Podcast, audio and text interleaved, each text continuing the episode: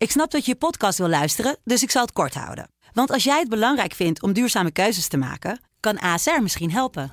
Nou hoor ik je denken, hoe dan?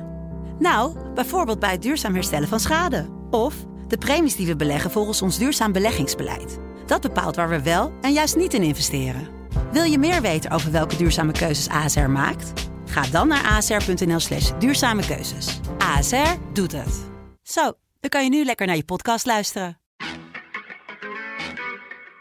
Dit is, dit is het land van Wierduk. En als eh, de Nederlanders al iets weten van België, dan weten ze het ook beter. Ja. Een podcast van de Telegraaf met analyses op het nieuws die u elders niet hoort. En ik denk ook dat de Nederlanders kleine Amerikaantjes zijn. En, oh, dus een grote mond over alles. Grote, grote mond en ook uh, heel internationaal denken. Maar je hebt ook de Nederlander van ik vertrek. Ja, die, maar die mislukken meestal. Met Wierduk en Roel den Outer. Ja, beste luisteraars. Uh, hier is Wierduk en niet uh, Roel den Outer. Want we hebben weer zijn... Uh, speciale podcast, een extra podcast. En dit keer met iemand van over de grens. De Vlaming, de Vlaamse journalist oudgediende journalist moet ik zeggen, uh, Patrick van Gompel. Want waarom is hij hier helemaal naar Amsterdam gekomen vanuit uh, het zuiden van Europa eigenlijk, voor onze begrippen? Dat is omdat hij een boek over ons heeft geschreven, jawel. En dat boek dat heet Nou en, en waarom de Nederlanders zo uh, Nederlands zijn. Patrick, welkom. Dag, hallo. Jo. Je hebt het kunnen vinden, gelukkig. Ja, het was een beetje moeizaam, maar ja. uh, het, uh, uit, Amsterdam, hè? Uiteindelijk lukt alles. Ja. Um, Patrick, ik, ik, wil eigenlijk beginnen met een citaat uit een artikel dat onze gewaardeerde collega Marjolein Schipper met jou heeft geschreven. Dat verschijnt zaterdag in de krant. Dat kan ik iedereen aanbevelen, want het is een prachtige zeg maar, schets van nou ja, wat jij geschreven hebt in het boek. En ook een beetje van wie wij zijn. En dat begint zo. Wij Nederlanders weten maar al te goed van onszelf. We zijn direct, luidruchtig, eigenzinnig, dol op onze simpele boterham met kaas en melk hagelslag kan er ook bij. Als lunch en we hebben overal een mening over. Ja, inderdaad, dat is zo. Maar waarom zijn we eigenlijk zo? Belg en Holland-lover Patrick van Gompel ging onverdroten op zoek naar de ziel en het karakter van de Nederlander. Nou, hoe kun je iemand nog beter een verhaal insleuren dan zo? Dus gefeliciteerd Marjolein. Toen jij dit las, toen dacht jij natuurlijk ook van... Um, um, leuk. Het uh, klonk als uh, muziek in de oren. en uh, ik vind het altijd fijn als iemand, om te beginnen, het boek heeft gelezen. Ja, dat, dat is toch wel eens anders. Dat is toch wel handig. en, dat, en het boek ook nog zeer goed heeft gelezen. Ja. En er net de krenten uit kan halen om de mensen, de lezer van de Telegraaf, te duiden van waar gaat het nu precies over. Ja. Dus dat vond ik wel plezant. Nou, we gaan zo meteen over hebben waar dit boek nou precies over gaat. Maar eerst moeten we even verklaren waarom jij nou zo'n liefhebber van Nederland bent. Want voor ons Nederlanders is dat natuurlijk onbegrijpelijk. Wij gaan het liefst zo ver mogelijk van Nederland vandaan. Ja. emigreren of dan in ieder geval op vakantie. Ja. Zodat we niet in deze, dit regenachtige moeras hoeven te blijven. Maar jij, deed, jij maakte de omgekeerde uh, tocht. Al vanaf je jeugd van België, Vlaanderen naar Nederland. Ik heb uh, al 45 jaar de wereld rondgezworven als uh, verslaggever voor uh, VTM, commerciële televisie in Vlaanderen. Maar ik ben met mijn neus tegen de grens geboren. Dat wil zeggen Balen-Hertog, Balen-Nassau, Goorle, die streek. Dat is eigenlijk mijn, mijn geboortegrond aan deze of gene kant. oh, de smokkelaarsstreek. De smokkelaarsstreek heb ik ook gedaan met oh. Bona, boter en um, Blue Band en Douwe Egberts koffie. Dus ik heb nog gesmokkeld samen met mijn vader. Um, dat was toen om, om zuinigheidsredenen bij, ook bij ons. Dus ik heb iets uh, met die grens en de, ja, de, de grens die ik het meest van al heb overgestoken is de grens met Nederland. En wat trof je daar nou precies aan? Uh, al van, uh, van in mijn jeugd het, het exotisme. Als ik uh, op een paar kilometer uh, fietsen van mijn ouderlijk huis, uh, zat ik op de, op de, de wekelijkse markt van Balen-Nassau. En dan zag ik al hele grote kaasstanden. En dat vond ik al, al bijzonder. Ik heb voor het eerst Chinees gegeten in Balen-Nassau. dat was voor ons bijzonder exotisch. Want wat aten jullie dan? Meer dan 50 jaar geleden was er geen uh, Chinees te bekennen in onze konterijen. Uh, wij aten hele gewone dingen, boterhammen met kaas. aten oh, jullie ook? ook. Ja, ja, dat ik dacht alleen wafels. Uh, nee, nee, nee. nee. Dat, oh, dat was een luxe product. Nee, oh. nee, nee, dat was al ja. bijzonder. Dus ik, uh, ik heb iets met die grens. En um, ik heb ook iets met, uh, met de Nederlanders. Ik vind het een, um, een bewonderenswaardig volk. Um, ze hebben geweldige prestaties geleverd uh, in de geschiedenis.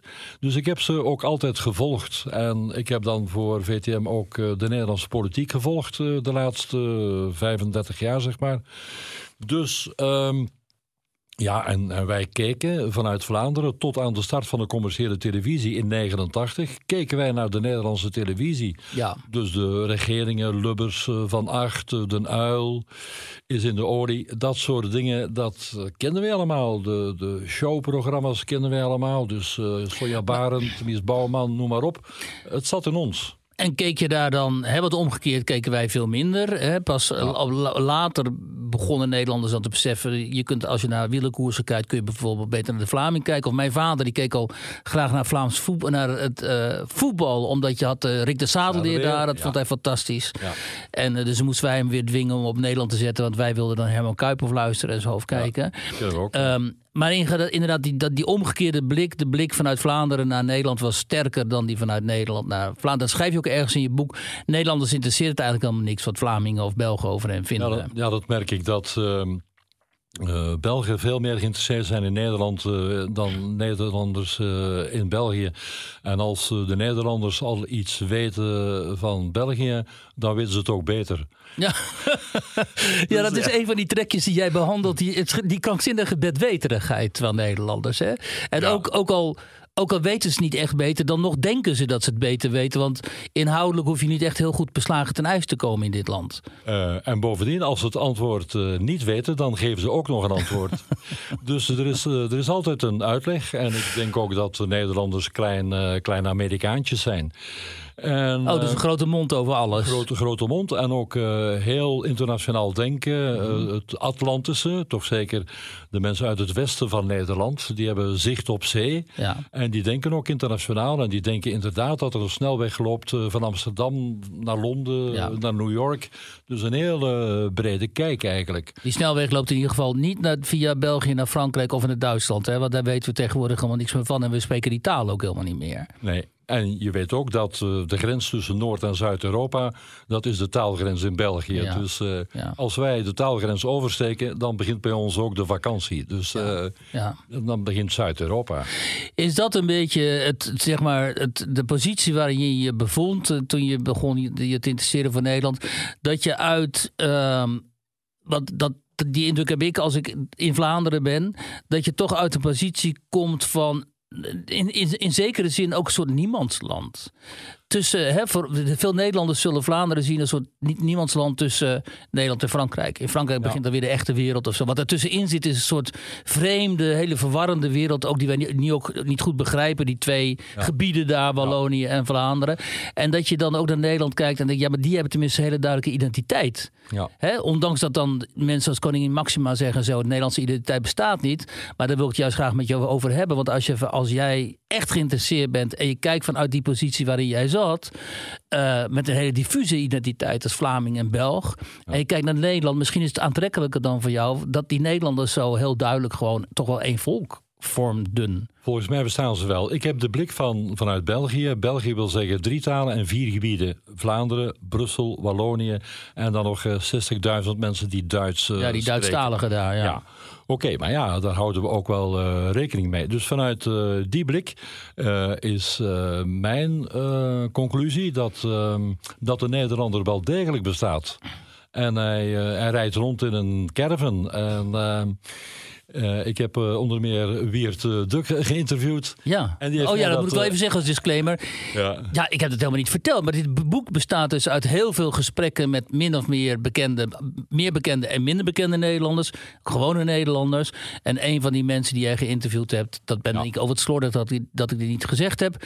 Maar goed, daar komt het op neer. Dat gaat dus van Wiert Duk tot Sylvana Simons tot Geert Mak. Dus noem nog even een paar namen als je wilt. Um, Dick Matenaar, Gerrit de Jager. de tekenaars. Nog wat, uh, nog wat uh, schrijvers. Abdelkader Ben Ali, uh, Kader Abdollah. Ja. En ook nog... Tja, wie zijn ze allemaal Had je Joris Luijendijk niet ook? Of Joris Arnold Luijendijk. Grunberg, uh? Grunberg. Ja. eh, ja, nog 23 bekende en 5 onbekende. Nou, je hebt ze allemaal eigenlijk. Hè? En eh, de, als, althans degene die je moest hebben. En, ehm, maar wat hadden we het erover? Uit al die verhalen distilleerde jij, en ook op basis van je eigen ervaring, je bent ervaringsdeskundige natuurlijk, die, zeg maar, die typisch Nederlandse identiteit en mentaliteit. En je Ja. zei al, ze rijden in een caravan, maar er zijn natuurlijk veel meer aspecten. Natuurlijk, ik, ik heb bewondering voor hun eh, zelfredzaamheid. Nederlanders kunnen heel goed eh, hun plan trekken. En eh, ze kunnen ook heel goed eh, plannen en vooruitkijken. En dat bewijzen ze onder meer met, met de waterwerken natuurlijk. Hè, de strijd tegen de zee. En de zee heeft niet alleen gezorgd voor geweldige wateringenieurs. Maar het heeft ook gezorgd voor het avontuur. Nederlanders stapten op een schip eh, om aan de andere kant van de wereld handel te gaan drijven. Ja, ze Dus- zagen wel waar ze uitkwamen. ja, en eh, ja, zo'n beetje op. eh, eh, zonder echt plan, eh, maar ze kwamen wel ergens uit en, en ze trekken ook letterlijk hun, hun plan. Dus dat vind ik eigenlijk een, een geweldige eigenschap. Daar moet ik even op inspringen, want inderdaad, ik ben correspondent geweest. Je hebt ook heel veel in het buitenland gereisd. En op de gekste plekken waar ik ook kwam, Oezbekistan, Tajikistan, helemaal aan de grens met China in de voormalige Sovjet-Unie. Overal zitten Nederlanders. En die rare Nederlanders die beginnen overal een business. En die is dan vaak ook nog heel succesvol. Dat kan gewoon een of andere hè, een nieuwe agrarische eh, onderneming zijn. Of een melkhandel of weet ik veel wat. En ze blijven ook volledig zichzelf. Ook al zitten ze omringd door Oezbeken. Dan nog is het echt die Nederlander, die, hè, die typische Nederlandse ondernemer die je dan tegenkomt. En dan denk ik ook van ja, dat is toch wel heel sterk inderdaad. Maar je hebt ook de Nederlander van ik vertrek. Die, Ja. die, die, eh, Ja, die, maar die mislukken meestal. ja, nee, maar goed, ik, Ja. ze gaan inderdaad overal naartoe. En ze zien wel waar ze, waar ze stranden. Hè? Ja, en het eh, botst een beetje met. eh, normaal zijn Nederlanders heel goed in het plannen. Maar er is er ook een, een, groot, een groot aantal van hen die echt zonder strak plan Ja. vertrekken. Dus, maar, maar goed, ze, ze nemen risico. Ja, ja beetje- dus het zijn handelaars en eh, ondernemers Ja. voor een groot deel. Ook altijd Ja. eerst handelaar en, en dan pas eh dominee natuurlijk. Hè. Dan, Ja, eh, ja, eerst, Ja, of ze doen zich even voor als dominee, maar als het geld om de hoek komt kijken, dan zijn ze al heel eerste koopman, eerste koopman en dan de dominee natuurlijk. Het is een apart hoofdstuk zelfs, ja. Ja, ja, dat is. ehm, maar goed, noem eens, want ik kan jou wel vragen, vragen stellen, maar ehm, jij hebt natuurlijk in je hoofd ehm, die karakteristieken die jij hebt aange, aangetroffen. Eh, Kun je daar eens een schets van maken en vertel ook eens wat jou misschien toch op jouw, deze reportage in boekvorm misschien nog heeft verrast? Misschien iets dat je toch niet wist, ook al was je hier al honderd keer geweest. Wat mij uiteindelijk nog het meest heeft verrast is ehm, als je in eh, Vlaanderen iemand eh, persoonlijk eh, bekritiseert of, of kritiek geeft, dan, dan nemen wij dat altijd heel persoonlijk. En ik heb gemerkt dat Nederlanders heel goed in staat zijn als je bijvoorbeeld een opmerking krijgt op het werk, dat een Nederlander heel snel kan zeggen: ja, kijk, dat heeft met mijn werk te maken, dus dat geldt eigenlijk maar tot vijf uur. Ja. En na vijf uur ben ik iemand anders. En een opmerking over mijn werk heeft eh, niets met mijn persoonlijk leven te maken. En een, een jaarlijkse evaluatie op het werk kan in België een bijzonder pijnlijke gebeurtenis eh, worden. Als je het niet zo goed hebt gedaan. Nee, omdat, ja, ja, maar omdat eh, Vlamingen zijn kampioenen in het zwijgen. Dus eh, soms wordt er bij een evaluatie echt dingen opgespaard tot op het einde van het jaar. En krijg je alles op je bord. Oh god, dat is ook wel heel veel in één keer En natuurlijk. dat is dan heel veel. En dat nemen wij dan ook mee naar huis. En dan kunnen we echt onder, onder gebukt gaan. Een weekend lang ben je dan van de kaart. Langer. Langer, ja. Ja, ja. En je besluit er maar om toch maar ontslag te nemen. Als Ja. het zo moet. Ja, want ik heb eh, vanochtend nog de opmerking gekregen van, van, de, van de burgemeester van Balen-Nassau. die, die me zei dat ik, dat ik niet praat eh, en ben zoals een Vlaming. En daar moest ik echt, eh, echt over nadenken. Dus zij begint in mij al eh, kenmerken van een Nederlander te ontwaren. maar het heeft gewoon te maken met mijn beroep, denk ik. eh, iets Ja. vertellen en eh, iets zeggen. En dat is ook wat mij het meest eh, frustreert. Ja, we zijn natuurlijk eh, altijd ook een eh, onderdrukt volk geweest. Ehm, maar dat leidt bij een, tot een ander kenmerk van de Nederlander. Van wij zwijgen veel. Maar als we iets zeggen, bedoelen, we, bedoelen we dikwijls ook iets anders ondertussen. Mhm. En dat wordt door Nederlanders heel weinig uh, opgepikt. Mhm. Nederlanders kunnen heel moeilijk tussen de regels lezen. Totaal niet. Je moet heel concreet zijn. Dat heb ik ook hoor. Als mensen niet heel concreet zijn, dan begrijp ik het gewoon vaak niet. Ja, kijk. ja. Dan denk ik, waarom zeg je nou niet gewoon wat je bedoelt? Ja, en dat is natuurlijk iets heel, uh, heel Belgisch, iets heel Vlaams natuurlijk. Ja. Uh, maar het heeft ook te maken, denk ik. Um, ja, ik denk dan altijd aan het uh, woord en het wederwoord in Nederland. Uh, ja, dat hebben jullie in de kerk geleerd. Uh, jullie praten al 500 uh, jaar over wat er nu precies in de Bijbel staat. Jullie weten ja. het nog altijd niet, maar jullie praten er nog altijd over door. En inmiddels hebben we tientallen he, afgescheiden gemeentes en kerkgenootschappen en noem maar op. Waar ze nog weer verder doorpraten over al die muggen, muggenzifterige onderwerpen. En dan kom je ook tot veel politieke partijen natuurlijk. Ja. En ja, zonder kiesdrempel. ja. ja ieder zijn mening. Uh, ja, ik, ik vind het eigenlijk vrij simpel. Zet vier Nederlanders bij elkaar en je hebt vijf meningen. Dat is zo, ja. Dat zeggen de Joden ook over zichzelf. Hè. Zet drie Joden bij elkaar en je weet ik veel hoeveel uh, opinies. Um, je weet het van, van het onbewoond, onbewoond eiland, waar een Jood strandt. Ja. En een week later strandt daar een tweede Jood. En wat is het eerste wat hij doet? Zich afscheiden. Een eigen synagoge ja, beginnen. Precies, precies. Mooi hè. maar um, kijk, die, die directheid waar we het nu over hebben... en dat hè, zeggen wat je vindt en zo bij die Nederlanders... is dat voor jou niet ook af en toe schokkend? Want kijk, ik weet bijvoorbeeld uit mijn eigen vriendenkring en zo... als er dan mensen vanuit de mediterrane gebieden en zo in Nederland uh, zich vestigen... ja, die zijn af en toe echt wel heel erg onder de indruk van die uh, hardheid... Van die, en die lompheid van die Nederlanders. Ik denk echt, ja. wat zijn dit voor boeren, joh? Waarom gaan ze zo met mij om? En waarom gaan ze ook zo, zo lomp met elkaar om? Ja, ik denk dat de Nederlanders eigenlijk in alle gesprekken heel ver kunnen gaan. En dat uh, wij eerder zelf al een signaal in ons hebben van dit is ver genoeg. En een Nederlander praat met de gedachte van als ik te ver ga, zal de tegenpartij het mij wel vertellen. Ja. En dat is iets dat, dat wij echt, uh, echt niet kennen. Dat is, uh... Maar voel je dan af en toe geschoffeerd of, of beledigd? Of dat je ja, denkt... Of diep gekwetst uh, soms. Als je in een televisie. Jij bent ook diep gekwetst geweest. ja, maar ik, ik, ik, ik, ken jullie al langer. Ja. Dus ik, ik kan wel wat hebben. Ja.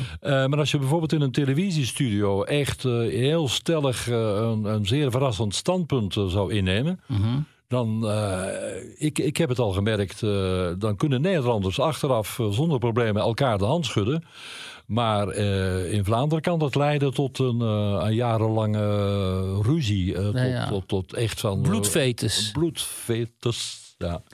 Nou ja, ik, ik zit af en toe bij Vandaag in Zuid met Johan Derksen en een van de Gijp. En daar is dan zo'n gimmick van ja, dit programma zou in Vlaanderen nooit kunnen. Want dat, dat, dat, daar durven ze al die dingen niet te zeggen en zo die wij hier zeggen.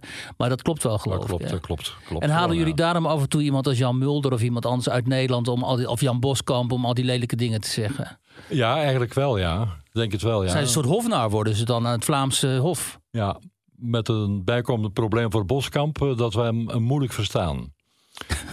Als hij het uh, Rotterdams uh, begint, dan, Ja. uh, ja, dan, en hij slikt veel woorden in. Ja. Dus ja. dan moeten wij eh, echt... eh, dat, dat er is nog... Ik moet je zeggen, ik, versta, ik begrijp af en toe ook niet wat hij nou wil zeggen hoor. Maar goed, eh, ja.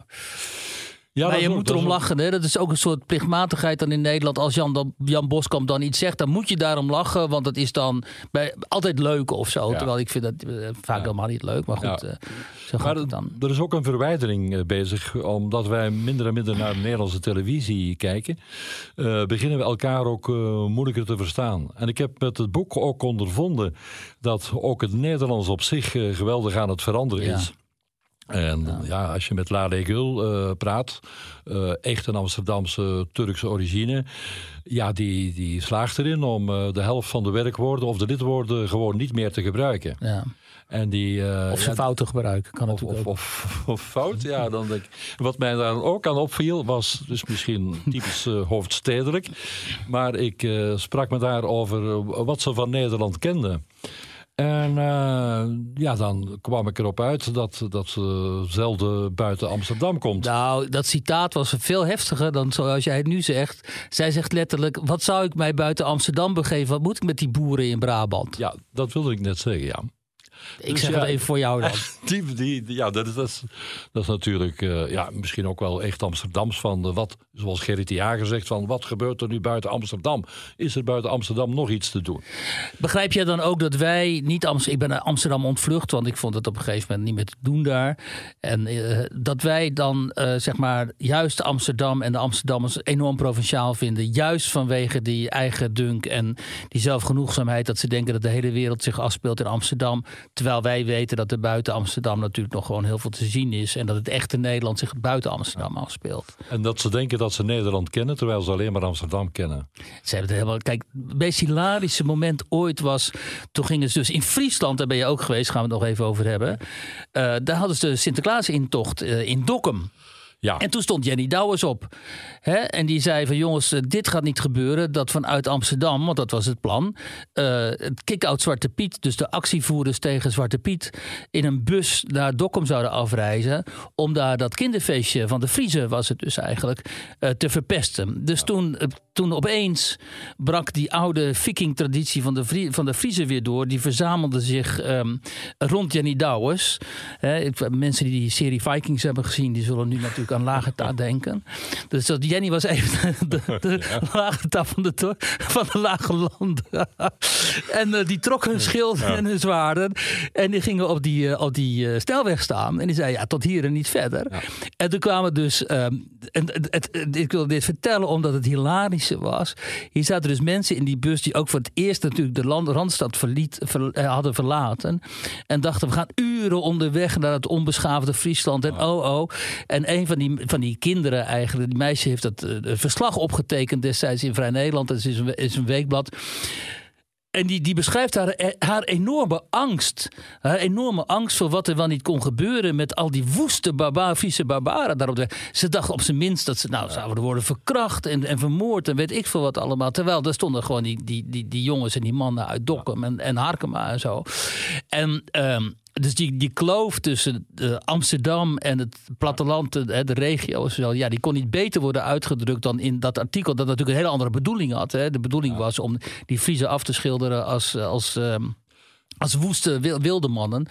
En het, het boemerangde dus helemaal terug naar de auteuren van. Het zijn eigenlijk twee dingen tegelijkertijd. De zelfoverschatting van de mensen uit de Randstad, eh, Amsterdam, en de onderschatting van de andere mensen. Het is eigenlijk een, een, dubbele fout. En ik heb eh, daarvoor bij mijn uh, research heb ik ook mensen als Josse de Voogd opgezocht. Heel goed. Om, om dat eens uit te leggen, hoe, hoe, dat nu precies in elkaar zit. En ik, ik vond het ongelooflijk boeiend. Jos is degene die heel goed geografisch in beeld kan brengen hoe mensen kiezen, bijvoorbeeld bij verkiezingen. Een, een echte politieke analyse. En die heeft mij bijvoorbeeld ook eh, duidelijk gemaakt van... Uh, kijk, ja, uh, de, de armer wordende boer in Oost-Groningen of in, uh, in Drenthe... die vraagt zich af van, wat doet Den Haag voor mij? Dus ja, dat zijn toch dingen, inzichten die, die ik met plezier heb opgetekend. Omdat ze heel veel duidelijk maken. En ja, heb jij tijdens jouw eh, zoektocht nu al iets gemerkt van dat grote onbehagen bij grote delen van de Nederlandse kiezers, dat uiteindelijk heeft geresulteerd in de uh, zegen van uh, Geert Wilders uh, vorige week? Ja, ook heel, heel klassieke dingen van wat doet Den Haag voor ons? er wordt niet naar ons geluisterd. En voor die mensen en die mensen wordt allemaal goed gezorgd. En wat heb ik eraan? Dus veel mensen voelen zich tekortgeschoten. en ja, dat heb ik wel gemerkt. Maar ik ik heb uh, uh, de, de, de zwaarte van dat probleem heb ik uh, niet helemaal correct aangevoeld. Maar ik was niet alleen, eh, heb ik de indruk, een beetje onderschat zo ja. Heb je dan niet op al die reizen naar Nederland gezien hoe die steden bijvoorbeeld demografisch enorme veranderingen ondergingen?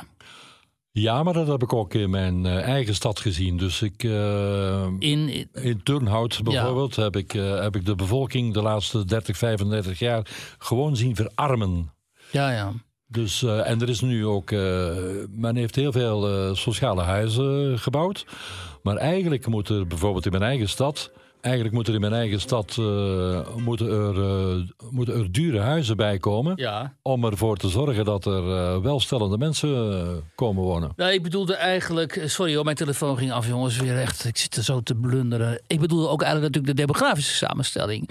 Ik bedoel, in Brussel, hè, als je naar Brussel gaat, dat is natuurlijk geen in heel veel opzichten geen Europese stad meer zoals wij die kenden. Ja. dat is voor een heel groot deel gewoon Afrikaanse stad of een stad uit het Midden-Oosten geworden. En zo zijn hele wijken in Nederland natuurlijk uh, uh, hebben diezelfde demografische veranderingen ondergaan. Ik wil daar niet naartoe, uh, naartoe praten, maar het is een feit. En Geert Wilders is mee, mede op zijn immigratieticket natuurlijk zo groot geworden. En heb jij in die gesprekken, want dat is natuurlijk wel interessant, je sprak ook vooral met ja, ook een beetje linksere intellectuelen, zoals Grunberg en um, uh, Luijendijk. En dan heb je ook nog eens een keer Sylvana Simons gesproken en zo. En dat viel mij wel op aan toen ik dit boek las. Dat jij uh, uit al die verschillende stemmen dat, dat jij dit niet samenvat in jouw stem, wat dan uiteindelijk jouw conclusie wordt, maar je laat al die mensen aan het, aan het woord, zeg maar. Dus er kan de analyse van Sylvana Simons kan uh, tegenover die van mij staan, terwijl ze helemaal met elkaar in contrast zijn. Uh, Zij zal een hele andere analyse maken van de multiculturele samenleving dan ik, omdat ik vind dat die mislukt is, bijvoorbeeld. Ja. Um, maar ik ga ervan uit dat de lezer um, verstandig genoeg is om uh, zelf zijn conclusies te trekken. ik ben ook een heel klassiek ouderwets journalist die feiten belangrijker vindt dan, dan commentaren. En ik heb er heel bewust ervoor gekozen om mijn eigen conclusies niet te formuleren. Waarom? Omdat het niet nodig is.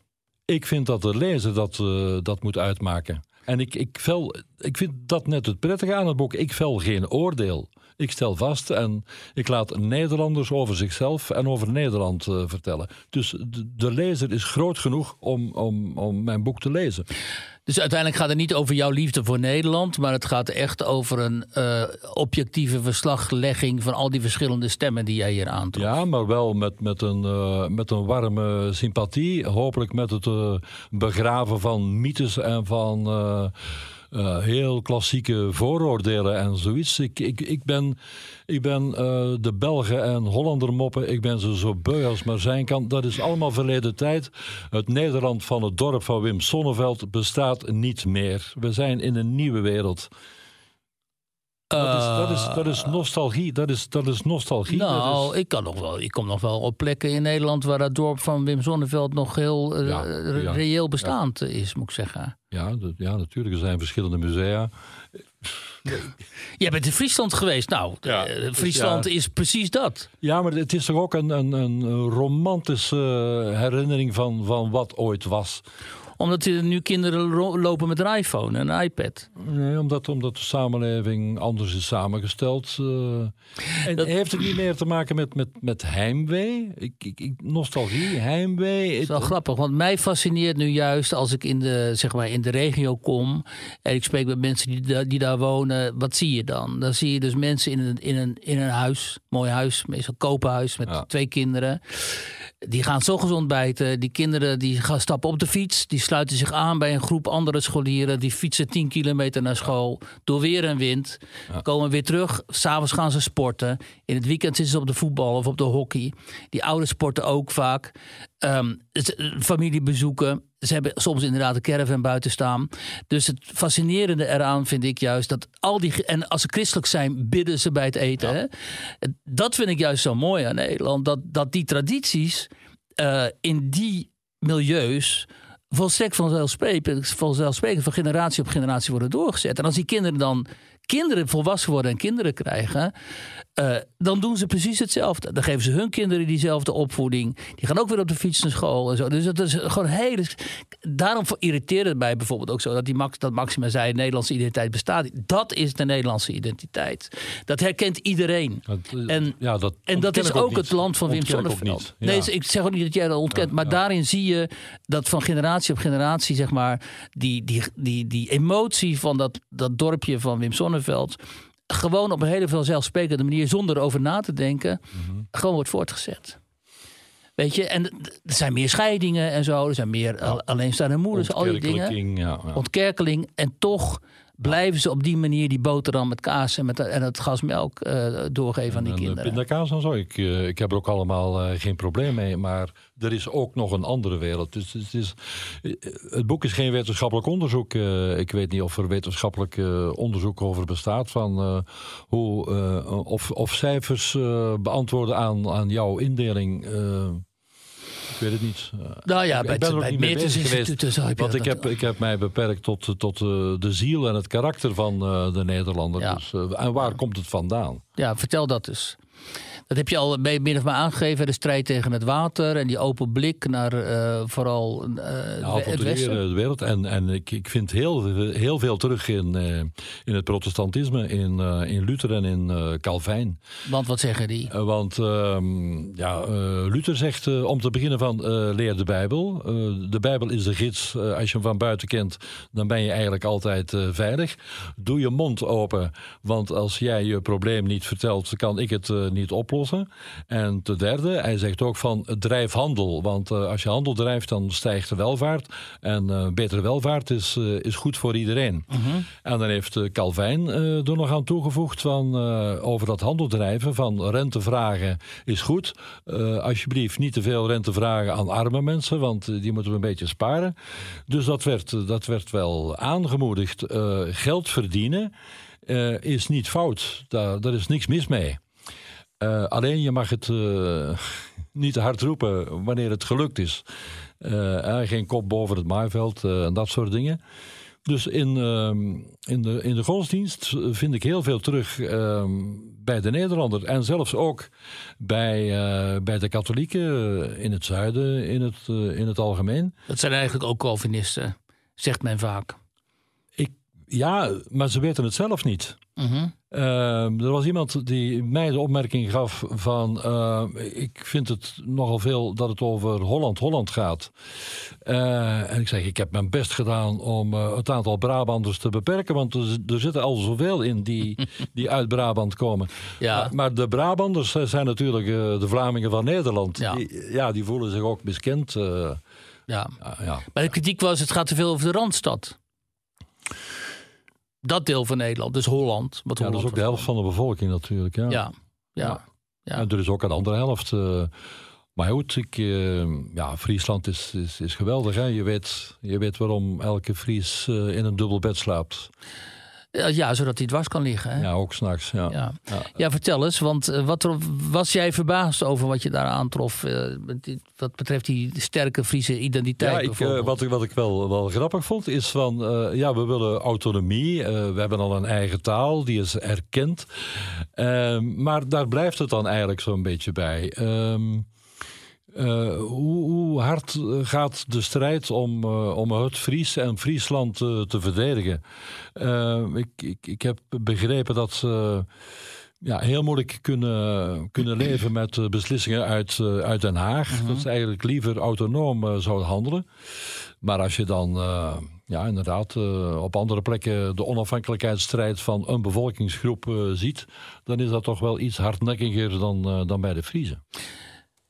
Ja, dat, dat is zeker zo. En, het um, uitzicht dan wel in, in zo van Sinterklaas en zo van tot hier en niet verder. -huh. Jullie komen ons niet vertellen uh, met een bus hoe, hoe, wij het hier organiseren. Ja. Dat dan weer wel natuurlijk. Hè? Ja, ze voelen heel duidelijk toch wel, want ik, ik, ik ken het daar wel goed, heel duidelijk. Die identiteiten voelen ze gewoon. En daarin zijn ze ook met elkaar weer solidair. Hè? Ja. Uiteindelijk, ondanks de verschillen, ben je toch. Uh, toch ook Fries. En dat drukt zich dan ook vooral natuurlijk uit uh, in, die, uh, in die taal.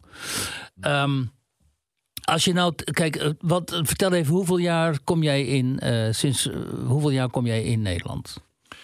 Ja, dat is echt van, van, van toen ik kon lezen en schrijven eigenlijk. Ja. Dus dat is 60 jaar. Ja, en wat is nou in die laatste jaren, kijk, want wij Nederlanders hebben altijd de indruk, er is een soort van tijd voor fortuin en een soort ja. tijd na fortuin. Hè, qua sociale onrust en die tot uitdrukking kwam. En telkens herleeft hij weer, hè, fortuin en dan uh, Baudet en dan de boeren en dan Wilders en dan weer Wilders. Um, jij zei daarnet van, ja, je hebt het in die gesprekken niet zo gemerkt. Um, maar toch, als jij hier je thuis voelt en hier al zo vaak komt, dan zul je toch waarschijnlijk eh, een aantal dingen zijn uh, opgevallen. die jij zelf waarschijnlijk beschouwt als de, de, de voornaamste veranderingen die je hebt ja. geconstateerd. Wat mij het allermeest is opgevallen is de angst om het verlies. letterlijk, figuurlijk, de, de eigendommen dus uh, het verlies van wat je hebt mhm. op alle mogelijke gebieden. En dan kan je dat beginnen te vertalen in, in waarden. En, maar het is, het is, het is een, een angst om een, een, een onzekere toekomst. Dat is denk ik. Uh, ja, zo'n beetje de, de kerngedachte van wat ik hier de laatste jaren heb uh, ontdekt. Ja. En is dat dan iets heel anders dan waar jij vandaan komt in Vlaanderen? Want in Vlaanderen heb je natuurlijk die opkomst van Vlaams Belang gehad. Dus een cordon sanitair omheen gelegd. Uh, maar goed, het, het, sentiment bestaat natuurlijk in die, in die samenleving. Is het dan een overeenkomstig? Of zie je daar toch in dat populisme, hoe zich dat uitdrukt, toch een groot verschil met Nederland? Ja, Vlaams Belang zegt uh, bijvoorbeeld van wij zijn niet bezig met het einde van de wereld, maar wel met het einde van de maand. Ja, ja. ja. Nou, goede opmerking trouwens, ja. Ja, met dat verschil dat. Um, uh, Nederlanders, uh, wij hebben bijvoorbeeld veel gemakkelijker een eigen huis. Dus de, de eigendom, Vlamingen worden geboren met een baksteen in de maag. Dus uh, een eigen huis hebben mhm. is een, een hele grote betrachting. Mhm. Terwijl ja, de meeste Nederlanders die een huis hebben, uh, ja, dat huis is eigendom van de bank. Mhm. Dus het, de angst om het verlies zal, zal er ook wel zijn, maar ik denk dat het minder scherp is. Dat begrijp ik niet helemaal. Minder scherp in welke zin? Uh, dat heel veel uh, Vlamingen of Belgen uh, wel hun voorzorgen hebben genomen. Zo de, de angst om, om alles te verliezen, uh, zowel, zowel geld als, als, als waarden, of hoe je het ook wil uitdrukken. Ehm, terwijl wij dat nog altijd combineren met, met een Bourgondische levensstijl. Ik denk dat wij daar minder angst voor hebben. Dat het toch iets anders in elkaar zit. Zullen wij die clichés over Nederlanders eens aflopen? Hè? Jij zegt uh, Nederlanders die, willen wel, die gaan wel uit eten. Maar ze zijn zo gierig dat ze eigenlijk niet al te veel geld eruit willen, aan willen uitgeven. Of zuinig. Wat zijn ze? Zijn ze nou gierig of zuinig? Ja, wij bekijken Nederlanders uh, een horeca, ik noem het een, een, een horecavisie. Omdat wij de Nederlanders kennen in België, van in het café en in het restaurant. Mhm. Nederlanders eten gewoon liever thuis, gewoon dagelijkse kost. en uh, ja, Heineken is ook al uh, minder duur dan ander bier. Dus daar wordt zuinig mee omgesprongen en het, het is een andere manier. Dus wat wij van jullie vinden gierig, dat heet bij jullie zuinig. Mhm. Maar uh, tegelijkertijd uh, kunnen jullie ook wel uh, geweldig veel geld geven aan, aan goede doelen. Mm -hmm. Heeft de overheid geld voor fantastische infrastructuur, perfecte wegen. voor een fietsenstalling in, het, in Utrecht Centraal van, voor 12.500 fietsen hebben jullie 30 miljoen over. 30 miljoen. Mm -hmm. Dus jullie kunnen ook heel gul zijn voor de gemeenschap. Mm -hmm. En uh, dat zijn ook dingen die ik ook probeer te vertellen. Waar, uh, waar wij, Vlamingen of Belgen, dan ja, wel, eens, wel niet aan denken. Dat wij dat vergeten. Dat wij een, een heel oogkleppenvisie hebben van, van de Nederlander. Daarom hebben wij ook een veel beter georganiseerde infrastructuur dan jullie. ja, en daarom hebben wij misschien huizen. dat is wel wat je, wat je prefereert inderdaad. Hè? Ja, het, uh, ja 400.000 tekort uh, nu. Dat is, dat is bijvoorbeeld een van de dingen die ik niet goed begrijp. Uh mhm. -huh. En ja, daar valt allemaal perfect. Niet dat daar het boek over gaat trouwens. Maar dat is al sinds, sinds de Tweede Wereldoorlog. Dat is toch al een eind. het gebrek aan huizen. En het heeft te maken met jullie fantastische landschapsinrichting. Ik weet het allemaal wel, denk ja. ik. Maar dat geraakt dan toch wel niet opgelost. Vreemd, hè? Maar het heeft een rechtstreeks correlatie met het aantal mensen binnenlaten. Omdat, uh... Ja, ik weet het. En, uh, ja. jullie, zijn, jullie zijn in 2030 zijn jullie met 20 miljoen. Uh, ja. Nu met 17,6 en volgend jaar met 18 miljoen. Ja, ja kijk. kijk. Moet aan gewerkt worden. Ja. De lompheid en botheid hebben we gehad. de gierigheid. Wat zijn nou nog typisch van die clichés die Vlamingen over Nederland hanteren? Ja, de mensen de les spellen. Oh, vreselijk, ja. Vertel eens, hoe, hoe voelt dat uh, zo door ja, wat, wat wij heel raar vinden is bijvoorbeeld als een uh, Europees uh, commissaris... de Italianen en de Grieken de les begint te lezen... dan vinden wij dat diplomatiek heel onverstandig. Dat deed vooral en, Dijsselbloem, toch? Die was niet Europees commissaris, was hij dat toen wel? Wat was hij destijds? Hij was minister van Financiën. Minister, minister ja, ja, was minister. Samen met... er was nog iemand anders bij. Uh, maar goed, het staat een boek. En uh, ja, dat vinden wij dan uh, diplomatiek. Uh, misschien heeft hij wel gelijk. Maar goed, ja, er zijn andere tijden geweest uh, waar het ook uh, andersom was. Dus, uh, ja. Maar hoe voelt het als Vlaming als je weer tegenover zo'n veel te bij de handen Nederlander staat en die begint jou inderdaad te beleren, bijvoorbeeld over Vlaanderen in België. En die weet, dan weten ze bij wijze van spreken beter dan jij, hè? Ja. Hoewel ze meestal helemaal niks van af weten. Maar toch, ze, vinden, ze voelen absoluut de behoefte om jou dat toch te vertellen. Ja, moet je dan niet, wat, wat, doe je dan? Kook je dan inwendig of moet je daar gewoon om lachen? Denk je, heb je weer zo'n zo'n engnek uit Holland? Ja, ik heb geleerd om er, om er mee te lachen en dan een paar vragen te stellen. en dat leidt meestal, uh, leidt meestal tot, uh, tot een, uh, een goed gesprek. Want dat is ook wel weer zo dat de meeste Nederlanders, als je een beetje doorduwt, kunnen ze ook wel om zichzelf lachen. Ja. En dat is dan weer een enorme geruststelling voor ons. Maar je moet dan zelf wel voldoende tegengas geven. En met argumenten komen om, eh, om hun stellingen of zo uh, te counteren of zo. Ja, kijk, weet je, wat mij opvalt bijvoorbeeld, hè, misschien is het jou ook opgevallen. Uh, Nederlanders hebben zelden een minderwaardigheidscomplex. En dat zag je bijvoorbeeld heel sterk veel meer op bij het voetballen op het moment dat België dus veel beter voetbalt dan wij, en dat is al heel lang het geval, vinden wij dat eigenlijk wel mooi voor die Belgen. Hè? Zo van, ja, die hebben ook een keer een goed elftal en we vinden het jammer dat ze dan niet eens een keer in de finale komen en zo. Terwijl omgekeerd uh, gunnen Belgen ons natuurlijk helemaal niets. Nee. Wat dat betreft qua, qua voetbal. Want ze zijn heel erg jaloers op die traditie van het Nederlandse voetbal. En toen zag ik op een gegeven moment dus um, Belgen, een, toen verloor België weer eens een hele cruciale match natuurlijk. Want dat gebeurt dan telkens, hè, die rode duivels, weer een halve finale of zo. Het is nog enorme woede bij je fans. Maar ook echt op zijn Duits, weet je wel. Echt zo. Dat ik dacht, zo, hier komt echt heel veel rancune op de scheidsrechter, op de spelers ook. Dan heb je dus een schitterende generatie. Prachtige spelers die alles hebben gegeven voor dat land. En die schitterende wedstrijden hebben gevoetbald. En dan ga je die spelers helemaal met de grond gelijk maken. Hè?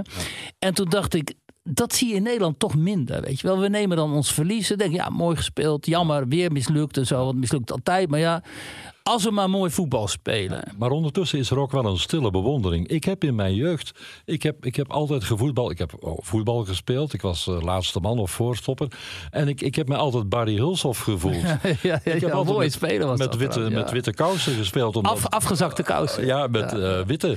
Dus, uh, ja, dus ik was op school en, en, en op het dorp. ik, ik was ook Barry Hulshoff. Dus ondertussen intussen bestond er toch ook wel een, een hele grote waardering. Dus, uh, nee, maar ik bedoel niet dat, dat. Ik heb het niet alleen over die uh, houding ten opzichte van Nederland.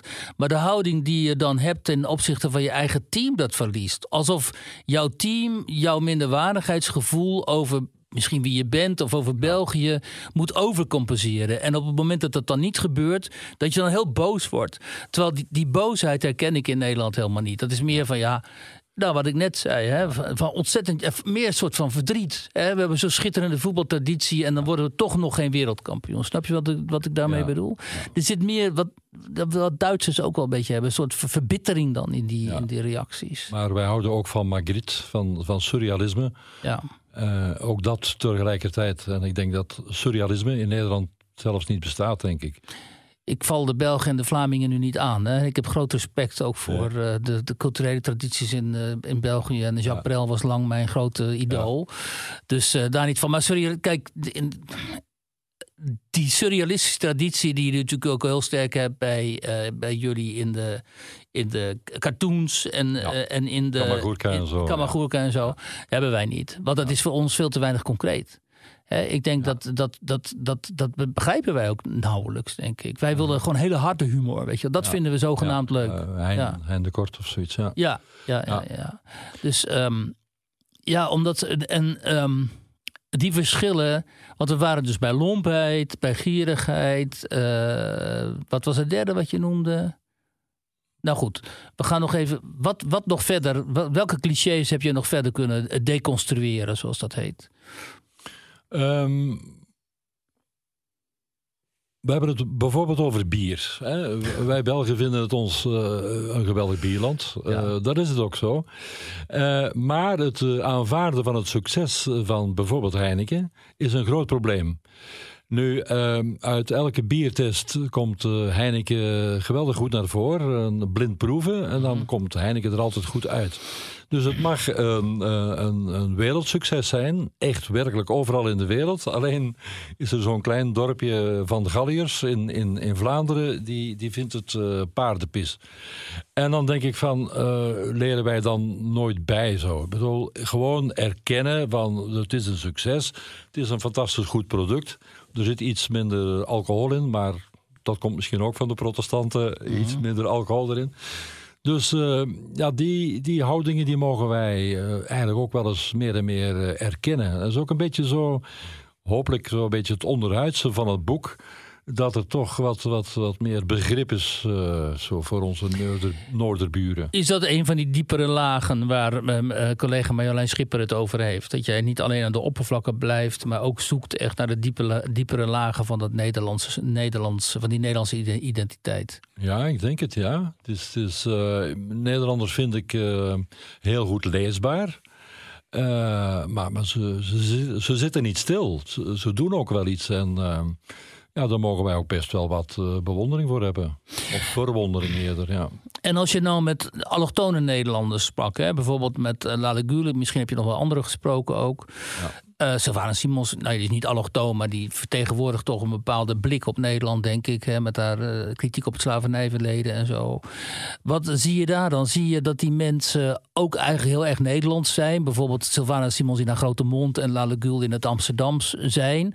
Of tref je daar toch hele andere werelden aan? Maar ik, ik, uh, ik ontdek dan toch ook rare denkredeneringen. Zo van, Kader Abdullah die zegt bijvoorbeeld van Nederland is groot genoeg. Als we het met hem hadden over migratie, uh, waar hij natuurlijk uh, over kan meespreken, uh, komt uit Iran. maar voor hem, als we, als we het hadden over van, zijn er geen grenzen, letterlijk en figuurlijk, aan, het, aan het aantal. En dan zeggen we, ja, die kunnen er gerust nog een miljoen bij. Zo. Ja, echt flauwkul is dat, hè? Ja, hij mag zeggen wat hij wil. Maar ik zit dan ondertussen te denken van... ja, dat is misschien ook wel een beetje overdreven. Natuurlijk is het overdreven. En Abdelkader Benali heb je ook gesproken. Hè? Die zat er erg kritisch op uh, de kant die Nederland opgaat. Wat, wat trof je daar aan? Ja, het is ook iemand die... Um, ja, het is ook zo'n... Een, een, een, een hoofdstedeling, zo'n een randstadter... Uh, ja. die ook wel her en der in het land komt. Maar die, die zit zo, ja, die slibbert daar zo, uh, zo tussen, denk ik. Ik vind hem niet altijd even. hij is heel helder in zijn uh, standpunten. En, uh, je vindt hem niet altijd even consistent. Ja, ja, dat is het woord eigenlijk, ja. Ja, dat tref je wel vaker. Wat, dat, dat was nu ook een beetje de bedoeling van, ja, van het boek van, van Nederlanders die elkaar glad tegenspreken. Dus ja. dat vond ik wel interessant. Ja. Oké, als laatste dan laten we nog even de boel omdraaien. Kijk, want als wij Nederlanders in Vlaanderen komen en we gaan daar op een restaurant en zo. Ik was laatste keer op bezoek bij uh, Asita Kanko in Vilvoorde. Gingen we ook op een restaurant en dan ja, zitten al die mensen daar en zo. En dan, dan denk ik, ik, ik bevind mij hier toch in een hele andere wereld dan, dan in, normaal gesproken in Nederland. Zeker in de Randstad. Misschien tref je dit hier nog een beetje aan in Brabant en Limburg en zo. Maar dit is gewoon al een hele andere werkelijkheid. Terwijl het is anderhalf uur rijden van Nederland of zo.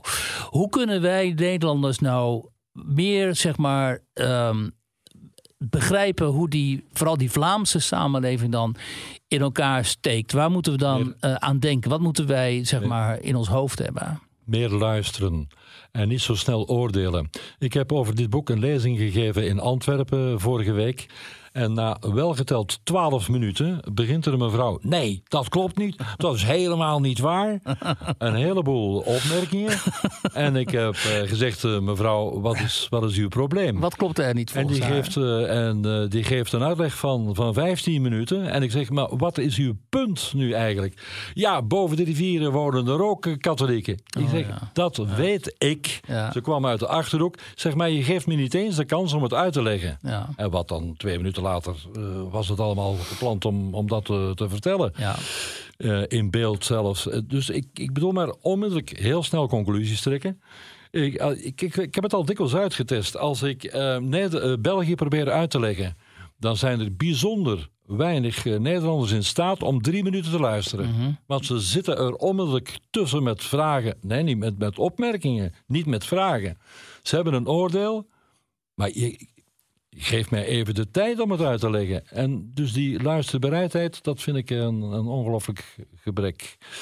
Ze komen er onmiddellijk doorheen toeteren met, met opmerkingen die eigenlijk niet eigen, eens... Uh, eigen conclusies, uh, bevestigingen van vooroordelen, zonder, zonder eens te luisteren. Ja. Hmm. Hmm. Zijn wij dan in jouw ogen ook een heel gesegregeerde samenleving... met mensen die vanuit die oude zuilen nog naar elkaar staan te toeteren? Ja, ik denk ook dat het. Eh, soms heb ik de indruk dat het een, een wedstrijd is van. Uh, om te hardst te roepen. Om, uh, om het meest gelijk te hebben en zo. En dat, dat naar elkaar luisteren, dat, dat mis ik toch wel. Dus ehm, gesegregeerd, ja. Ehm, ja. Ik denk ook dat. dat ja, natuurlijk, want. Al die protestanten die, die hebben wel onder elkaar uh, uh, ruzie gemaakt of, of uh, van, van meningen verschilt. maar die, die hebben dan bijvoorbeeld ook nooit gesproken met katholieken. Mhm. Dus die zijn wel onder elkaar bezig geweest, mhm. maar die kennen dan de andere bevolkingsgroepen ook niet. Nee. Wat nu ook met andere bevolkingsgroepen aan het gebeuren is natuurlijk. Ja. Zeker. En omgekeerd geldt het dan ook weer natuurlijk. Dus dat, um, ja. ja. Is er hoop voor Nederland, denk jij? Maar natuurlijk. Oh, mooi. Ze, ze kunnen fantastisch organiseren, ze kunnen fantastisch uh, plannen. Uh, ze zijn niet zo goed in improvisatie. Als, uh, als er op het laatste moment nog iets verandert, dan is dat voor Nederlanders meestal een probleem. Mm -hmm. Want het was niet voorzien. Dus ja, daar, dat, daar kunnen we nu geen rekening mee houden. Ik heb ooit eens tegen iemand gezegd: als, als we nu. Um, uh, het Nederlandse plannen is uh, combineren met het Belgische improviseren, dan uh, zijn we dikwijls toch een heel stap verder. Mm -hmm. Maar dat is voor Nederlanders ingewikkeld. En gezien wat je hebt aangetroffen voor dit boek, denk jij dat er een regering Geert Wilders 1 komt? Ik denk het wel. Ja, omdat, omdat uh, Nederlanders, denk ik, uh, echt wel met z'n allen kunnen zeggen van... ja, kijk, hij heeft uh, de verkiezingen gewonnen, dus nu moet hij het maar doen. Mm -hmm. Hij moet natuurlijk nog wel partners vinden, want... ja, zoals ik op dit ogenblik hoor, ehm, ja, pleegt hij eigenlijk al kiezersbedrog voordat hij gestart is. Nou, niet hij, maar die anderen, want die willen niet met hem. Dus ja, hij Wilders, wil wel. Wilders stopt de helft van zijn programma al in de, de koelkast. Nou ja, het programma waarvan hij ook wel weet dat het onuitvoerbaar is. Als je de Koran wil gaan verbieden, dan, dan krijgt daar is natuurlijk geen meerderheid voor te vinden. Dus uh, dat moet hij maar even in de ijskast stoppen dan, ja. Nou, heeft het wel geroepen de hele tijd. Ja. ja, maar ja, politici roepen wel vaak wat, eh, Patrick. Dat weten ja, Vlamingen ook als geen ander. Tuurlijk, maar het, lijst, het lijstje is wel heel lang natuurlijk. Ja, het zijn drie, vier punten of zo. Maar goed. Um, uh, de Nexit, de Nexit ja, hij wil andere EU. Maar kijk, nou ja. ja.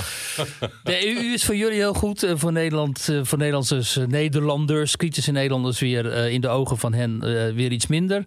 Um, we gaan er een einde aan maken. Um, op de cover staat dan die Nederlandse caravan hè, met de Nederlandse vlag.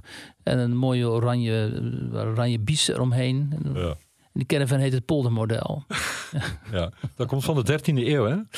Dat poldermodel. Ja, want uh, het water moest weggepompt worden bij ja. de boeren. En uh, de boeren moesten overleggen, want het gebeurde over elkaars uh, akkers.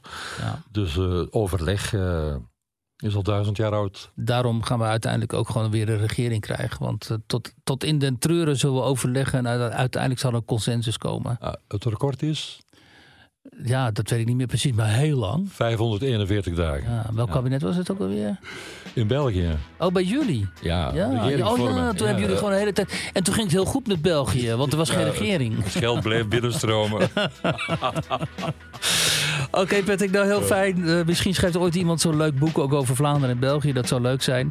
In ieder geval, nou en waarom de Nederlanders zo Nederlands zijn, heet het boek. En te krijgen overal, neem ik aan, in de boekhandels en... Uh, ook in Nederland, internet. En ook in, zelfs in Nederland. Ja, ja. Oké. Okay. Heel veel dank voor jouw komst hier naar Amsterdam. Heel graag gedaan.